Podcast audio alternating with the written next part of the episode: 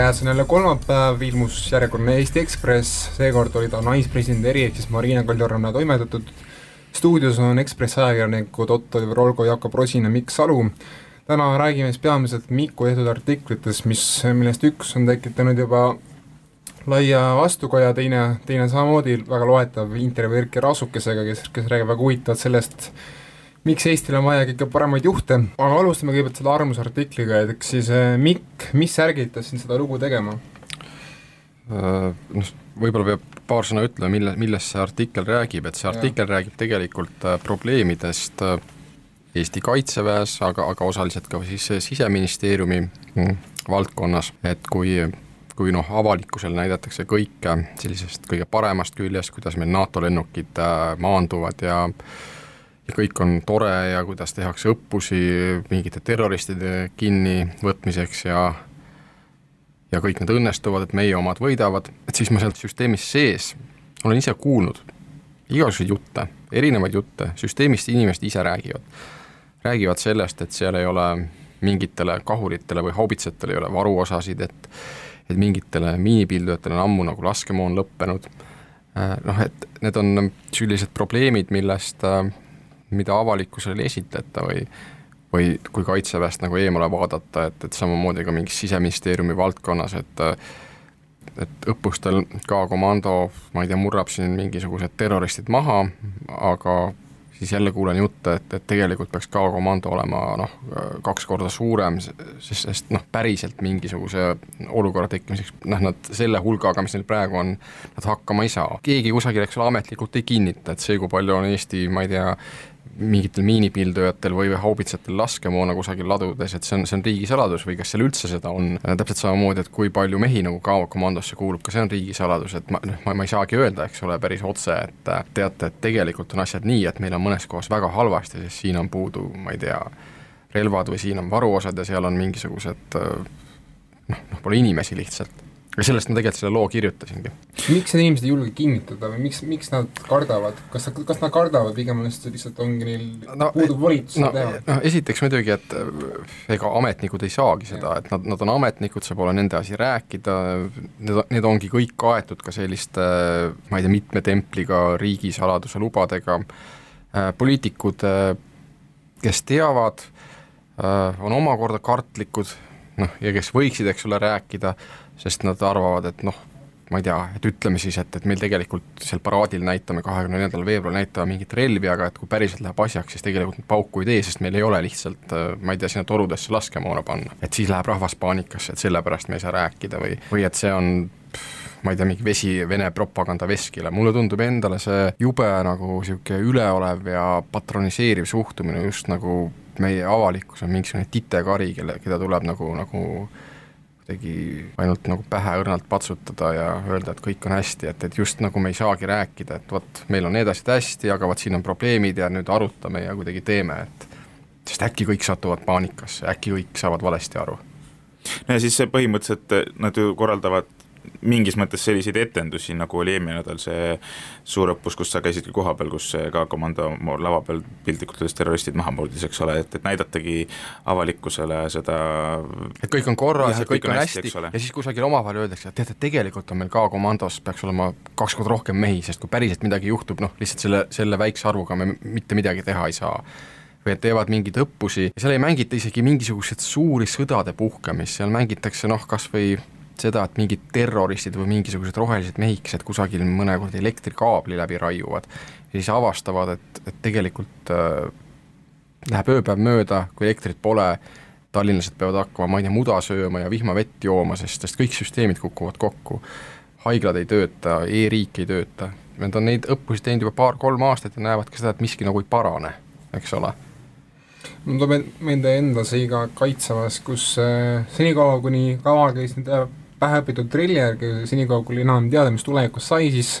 üldjuhul läksid ka harjutused hästi. nii kohe, kui tuli, kui, kui üks ülematest pani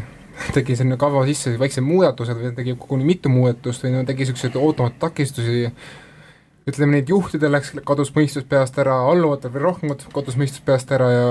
tulemuseks oli suur rõve tohuvapohu, aga noh, muidugi mitte, mitte miski sellest kaamerasse ei tohtinud jääda. ma, ma ei taha olla ülikriitiline, ma mhm. tean, et tegelikult on, on paljud asjad on hästi ja, ja, ja mitmed asjad paranevad, aga ma lihtsalt tahaks, et natukenegi kuidagi sellist ratsionaalset ausust, et me räägiks noh, noh et okei okay,, et need on hästi, aga vot siin vot peame tegema, et, et me ei kardaks nagu äh, ka probleemidest rääkida, et me ei pea kõike varjama. seal on jah, sellega on oma juhtumid, et äh, omalt poolt mäletan ise, et et äh, kui me lugesime sõduritega sõdurilehte, kui ma olin alles sõduri baaskursusel, siis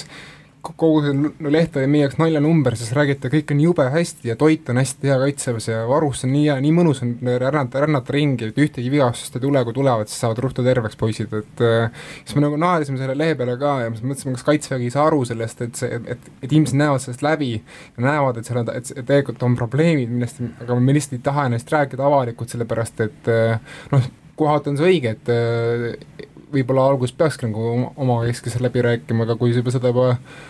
sõdurile siis ei suudeta teha, siis ma kardan, et ka läheb meilivestlustest mõnikord selliseks, mõni kutsub seda elementaarseks viisakuseks, teine kutsub seda poliitiliselt korrektseks jutuviisiks. noh, tegelikult tekitatakse selliseid hästi äh, vale illusioon tegelikult inimestes, et kõik ongi hästi, eks ole. aga ma korraks äh, tuleks korra tagasi selle juurde, et äh, noh, me ei peagi tegelikult ju korraldama mingisugust suurt rünnakut mis iganes valitsusele või mida iganes, piisabki sellest, et elektrikaabel kuskilt läbi lõigata, eks ole, me olemegi omadega ummikus, aga seda probleemi ju tegelikult annab ka laiendada, sest noh, ütleme nii, et, ega see, see, et kõik asjad toetuvad piltlikult öeldes elektrile, on ju, ju kogu ühiskonna probleem, eks ole, et noh, et me ei, tänapäeval sa ei peagi ju äh, suurte jõududega tulema, vaid piisabki mingite kommunikatsioonide hõivamisest, et selliste asjade tunnistamine iseendale on nagu ääretult oluline ja, ja just kaitse seisukohast samamoodi. aga samas noh, ka, ka Eestis nende samade õppuste kontekstis on, on näiteid, kus asjad nagu toimivad, mulle näiteks toodi näide, et Kohtla-Järve ma, ma ei läinud detailidesse, ma täpselt ei tea, et, et miks siis Kohtla-Järvel, kui Kohtla-Järvel nagu elekter ära läheb, siis tegelikult seal nagu ei varise kokku. ma ei tea, äh, kraanist tuleb ikka vett ja haiglad töötavad, et noh, ma, ma, kuna ma ei läinud detailidesse, siis ma ei oska öelda, milles see asi on, kas neil on rohkem, ma ei tea, mingeid varugeneraatoreid või, või kuna see kütust varutud või, või mis iganes. või et seal inimesed on kuidagi välja õpetatud ja nad teavad, mida teha aga, aga, aga samas see näitab, et, et siin ei ole mitte midagi nagu võimatut teha ka näiteks Tallinnas või Tartus niimoodi mm, -hmm. et et ei oleks nii, et esimese kahekümne nelja tunniga on kõik kööga. kuidas me saaks ise edendada meediana seda avalikku ausat suhtlust, kas, millised, millised võimalused meil on sinu, sinu nägemusel? no mina ikkagi arvan, et me peaksime rääkima ja need äh, ja mingis mõttes peaks meedia ka poliitikutele survet avaldama, sest Äh, ma saan aru, et osad äh, poliitikud tegelikult tahaksid, nad näevad neid probleeme, nad tahaksid muuta, aga, aga nad kardavad, sest sest neil on selline tunne, et neil ei ole mingit sellist avalikku toetust sellele, et noh, ma ei tea, võtame, ma ei tea, miljon eurot ja anname, ma ei kujuta ette, vabatahtlikele päästjatele või anname nagu äh, K-komandole aga siis keegi hakkab kisama, kus me, et noh, et keegi jääb sellest miljonist jälle, jälle ilma, et, et võib-olla ma ei tea, keegi saab pensionit vähem miljon või, või kuskil jääb mingi koolimaja remontimata, siis on nagu jube suur kisa selle üle. et see on tek-, paradoksaalne olukord, et aga, aga minu nagu laiem point on ikkagi see, et, et ka, ka keerulistest ja ka problemaatilistest asjadest võiks nagu julgemalt rääkida ja ausalt rääkida ja me saame noh, ühiskonnana niimoodi paremini edasi, et ei pea nagu kartma seda, et, et, et inimesed lähevad paanikasse või inimesed ei saa aru, et vastupidi, et kui, kui tekib selline nagu niisugune tunnetus, et sinu eest midagi nagu varjatakse või et, et kõik ei olegi nii pigem vastupidi, just siis nagu see mingisugune ühiskondlik usaldamatus suureneb. jah, kui see selgub katastroofi hetkel, et aga meil tegelikult ei olegi seda võimekust sellises olukorras toime tulla, ma kujutan ette, et see pettumus nii-öelda tavainimese seisukohast on, on kordi suurem kui see, et ta teab ette, et noh, meil ongi selle koha peal lünk, noh vastavalt ka mingites olukordades on, on võimalik ka inimestel siis erinevalt, eks ole, reageerida, et noh, tegelikult see võib olla ka oluline mingite olukordade lahendamise mõttes eh, selliseid asju inimestele rääkida mm. -hmm. ja ma lihtsalt ütlen nagu lõpetuseks, et, et alati noh, nendest probleemidest seal mingisugust välisjulge, julgeolekust või sisejulgeolekust rääkides, need ei tähenda alati mingit sõda või, või terroristi, see võib olla ka mis, ma ei tea, mingi paar aastat tagasi mängiti Sillamäe läbi õppust, et mis juhtub siis, kui mingisugune kuradi ohtliku kemikaaliga veoauto, et prantsatab kusagil seal külili ja terve sadam läheb põlema, et noh, et kas siis haigla töötab või kas siis mingisugused päästjad jõuavad Tallinnast mingisuguste hingamisaparaatidega kohale õigeks ajaks, noh mille teed sedasama asja ülikoolis, ma mäletan, Tartu Ülikoolis tegi kriisikommunikatsiooni asjatundjad tegid meile ka sellise õppuse ja seal tuli ka välja, et noh, meie oleme, meie, kes seal võtsime osa, olime noored ja rohelised ja kogenematud, aga ka seal tuli välja see, et äh, oli mingi grupp inimesi, kes kaotas pea ja oli mingi grupp inimesi, kes võt-, kes võttis aktiivsed ohjad üle ja kes, kes julges teha otsuseid, olid need rasked või kerged aga tundub, et, et see nagu, ma ei tea, vastukaja oli muidugi hästi positiivne, aga siis ma küsisin, et kas te teate, kui palju te seda nagu tavaliselt teete, siis nad ütlesid, et me teeme seda, peame seda valitsustele, teeme, teeme seda avalikule sektorile. et äh, ja siis mul tekkis küsimus, et tegelikult see avalik sektor on ainult üks osa ühiskonnast, et meie, meie ta-, meie tava, eraühiskond jääb sellest kogu sellest asjast ilma mm. -hmm. siis nagu tekkis järjekordne mulje, et, et me justkui kardame neile öelda, et et me, et kriisi ajal tulebki teha mõnikord väga valulisi otsuseid ja see on iseenesest inimlik, aga meil ikkagi kiputakse tegema asju siis, kui midagi juhtub. kui oli see pronksiöö, siis öeldi, et oh, teeme nüüd venekeelse Vene kanali ja nüüd läks, ma ei tea, seitse aastat läks mööda, mis lõpuks tehti ka, eks ole. noh, tegelikult oleks võinud juba varem teha, eks ole, kui oli see Gruusia sõja ajal järsku okei okay,, et anname nüüd Kaitseväele kaks protsenti, et kui see Ukraina ja Krimm oli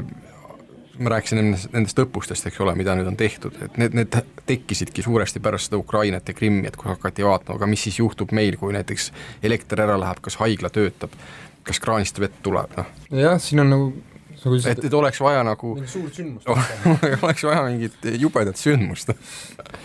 ega tõesti, et Soome nüüd on hakanud ka lõpuks ehitama pagulaskeskusi juurde pärast seda, kui kui nüüd nende enda noh, vähesed pagulaskeskused on nagu üle ujutatud, et ka nendel, ka nendel on oma probleemid seal, aga aga Eestil on oma probleemid. Lähme edasi sinu teise teema juurde, mis oli siis intervjuu Erkki Raasukesega. miks sa valisid välja just Erkki Raasukese, mitte kellegi teise ma lihtsalt helistasin Erkile ja, ja küsisin, et äh, kas äh, ta tahab ja kas ta saab intervjuu anda Eesti majanduse teemadel, et ta on väga-väga sellise tiheda päevakavaga inimene ja et pidin teda natuke veenma, et ta midagi ümber tõstaks, aga noh, nii sai see intervjuu tehtud. Raasuke räägib äh, sellest, kuidas Eestit juhitakse. et, äh, et kui me räägime sellest, et meie majandus praegusel hetkel kuidagi seisab ja noh, ta seisabki numbrite järgi ja, ja me ei räägi, eks ole, majandusest mingisugusel abstraktses statistilises võtmes, et needsamad komakohad ja numbrid tegelikult tähendavad seda, et kas me, kas meie palgad tõusevad või kas teid ehitatakse või kas näitlejad saavad teatris palka, et, et see on, see on lihtsalt meie, miks meie nagu heaolu seisab, et siis ma läksin Erkki Rasukese juurde ka sellest rääkima, et, et milles probleemid on ja mida teha saab, et Rasukese see kõige laiem point oli just see, et kui me suudaksime juhtimiskvaliteeti parandada äh, valitsuses, avalikus sektoris, aga tegelikult ka mingites suurtes äh, eraettevõtetes, riigi äriühingutes, et et see on, see on kõige suurem probleem. ta tegelikult, äh, Raasuke, ja minu arvates õigustatult kritiseeris ka sellist avalikkust ja ajakirjandust, kes küsib äh, juhtidelt valesid küsimusi, et tõi see, noh, me, me intervjuus rääkisime sellisest näitest, et kui avalikkus noh, küsib näiteks Taavi Rõivaselt et näed, meil on praegu null koma kuus protsenti majanduskasvu, et Taavi Rõivas, too meile kaks protsenti või too neli protsenti või Taavi Rõivas, mõtle välja järgmine Eesti Nokia, et, et noh, Raasuke ütles, et need on, need on nagu valed küsimused, et see ei ole, see ei ole peaministri asi nagu Nokiat tuua ja, ja majandust kasvatada, kasvatada, aga peaministrilt peaks küsima seda, et miks te nagu kehvasti juhite, miks te teete juhtimisvigu, miks te nagu omavahel tülitsete seal valitsuses, miks te, miks teie kokkulepped ei kehti miks te ei suuda asju ellu viia. ja noh, ja nagu ma ütlesin, et seda see võib laiendada, eks ole, see liigub edasi sealt äh, ministeeriumitesse, see on ka riigiettevõtetesse, kui me näeme siin, eks ole, äh, Tallinna Sadamat kümme aastat juhtinud mehed viidi käeraudades minema, Elering, kes toob meile elektrit, selle nõukogu esimees viidi käeraudades minema, Eesti Energia kaotab oma väärtust kogu aeg ja tihti nagu sellepärast, et mingisugused poliitilised kokkulepped, mis on juba tehtud neid ei suudeta aasta või kahe jooksul ellu viia, mis on kõik juhtimisküsimused. Raasuk, Raasuk tõi välja väga hästi nagu selle põhimure meil, samas äh, tekib küsimus, et kuidas me saaksime seda kvaliteeti parandada, kas, kas see on ainult koolitustega või see tuleb ka ajapikku kogemustega muidugi? Noh, ega, ega seda ongi, on, tegelikult on jube raske nagu äh, öelda, et mis asi on hea juhtimine, et minu arust Erkki Raasuke tõi seal ka, ma ei tea, kas intervjuusse või võib-olla ei läinud sisse, aga et, et noh, kuidas kirjeldada roosilõhna. et sa tunned selle ära, et see on hea lõhn, et noh, Erkki Raasuke on tippjuht, ta on Eestis teinud nagu, jõudis nii kõrgele, kui sai, ta läks ka rahvusvahelisele äh, areenile, oli seal tippjuht, et ta on lihtsalt näinud seda head juhtimist, noh ta, ta ta ütles, et ta nägi seal kas või Rootsis, ta nägi töötades ühes Põhjamaade suurimas pangas, sisuliselt oli ta seal, ma ei tea, number kaks põhimõtteliselt selles pangas finantsdirektorina, et kui hea on hea juhtimine, kuidas see nagu tuleb, sellest tulevad tulemused, sellest tulevad lahendused. jah, täpselt, mida selleks teha, et, et paremini juhitaks, noh ta ütles, et üks on siin see, et avalikkus võiks nagu aru saada selle tähtsusest ja küsida meie juhtidelt, et noh, miks te teete siin nii, miks te teete nagu valesti, miks te ei suuda kokku leppida? no Raasuk tõi välja ka väga hästi selle, et et kui varem noh, ta oli alg-, algusest peale erastamise poolt, siis ta läks vahepeal, mõt-, nägi Soome, Rootsi ja Norra ühiskondi mõtles, et et on võimalik ilma, ilma erastamiseta hakkama saada ja nüüd kui oli ise vahepeal Maanteeametis, siis nägi, et, et ikkagi erastamine ja Majandusministeeriumis. majandusministeeriumist nägi, et erastamine on väga hea protsess. ja, ja, ja ta tõi, ta tõi jah, selle isikliku nagu sellise arengutee, et kui ta omal ajal arvas, et, et tuleb kiiresti erastada ja et kõik erastamine on hea, aga siis noh, mõtles ümber ja arvas, et noh, tegelikult ei pea riigiettevõtteid nagu kohe erastama, et need võiks korda teha ja tegelikult riik suudaks olla ka ise hea omanik. aga noh, siis tal oli endal see riigi karjäärikogemust, ta oli Majandusministeeriumis, ta oli Maanteeametis ja noh, niimoodi süsteemis eespoolt nähes ta jälle omakorda nagu tajus, et, et kuidas noh, süsteem ei suuda hästi juhtida või et kuidas süsteem teeb vigu ja kuidas süsteem on võimetu ja nüüd ta on tagasi, nagu ta ise ütles alguses, et parem erastada kohe. sadam, raudtee, Eesti Energia. kas me saame kuidagi noh, üks võimalus on, on anda raasukesele teistele majandustead-, noh, majandusega hästi kursis olevatele inimestele hääl meedias millised võiksid olla need, veel nende võimalused, et natukene, kuidas öelda siis, võtta, võtta sellel roolil natukene käest kinni? ma, ma ei oska seda öelda, et paar, paar toimetajat, kes lugesid seda lugu ka enne ilmumist, noh, et neil oli väga huvitav lugeda, aga, aga vähemalt ühel inimesel oli ka natuke pettumus ja ma nagu tükk aega pärisin, et mis see pettumus on. ja ma sain aru, et see pettumus on see, et ta ootas nüüd seda, et Erkki Raasuke ütleb, koolon, teeme nii või et tuleb seda teha ja siis läheb kõik hästi, aga tegelikult oli ju Raasukese point oli ka see, et ei ole seda suurt vastust. et noh, et ei ole mingit Eesti Nokiat. ei ole võluvitsa, mis tähendab kõik mured. jah, et, et, et kui me ka meedias sellist ühiskondlikku ootust nagu kütame selle võluvitsa järele, et siis siis asjad noh, võib-olla ei, ei paranegi niimoodi no nagu peame tunnistama nagu endale seda, et probleem on olemas ja ja, ja kust see alguse saab ja me peame nagu suutma suunata neid otsustajaid ja, ja ametnikke, kes, kes sellega pidevalt tegelevad, mõtlema sinnapoole, et me ootame nagu paremat. noh, täna on nagu see olukord see, et keegi nagu ei tee midagi väga, noh, kõik on nagu, teavad küll, et on kehvasti, aga noh, on siis. huvitav kombel langes muidugi intervjuu Erkki Raasuga ühele päevale poliitikakuru looga, kus Viljar Arakas rääkis ka enam paisust võlakoormust ja sellest, kuidas kuidas üks ühe mured on, on asendunud lihtsalt teisega ja tegelikult ei ole võrreldes noh, võrreldes majanduskriisiga on tegelikult mured lihtsalt muutunud, aga aga pinev olukord on sama. siinkohal lõpetamegi tänaseks saate ära, oli selline pisut süngemates, hallimates toonides saade, saate lõppu panemegi sellise süngema loo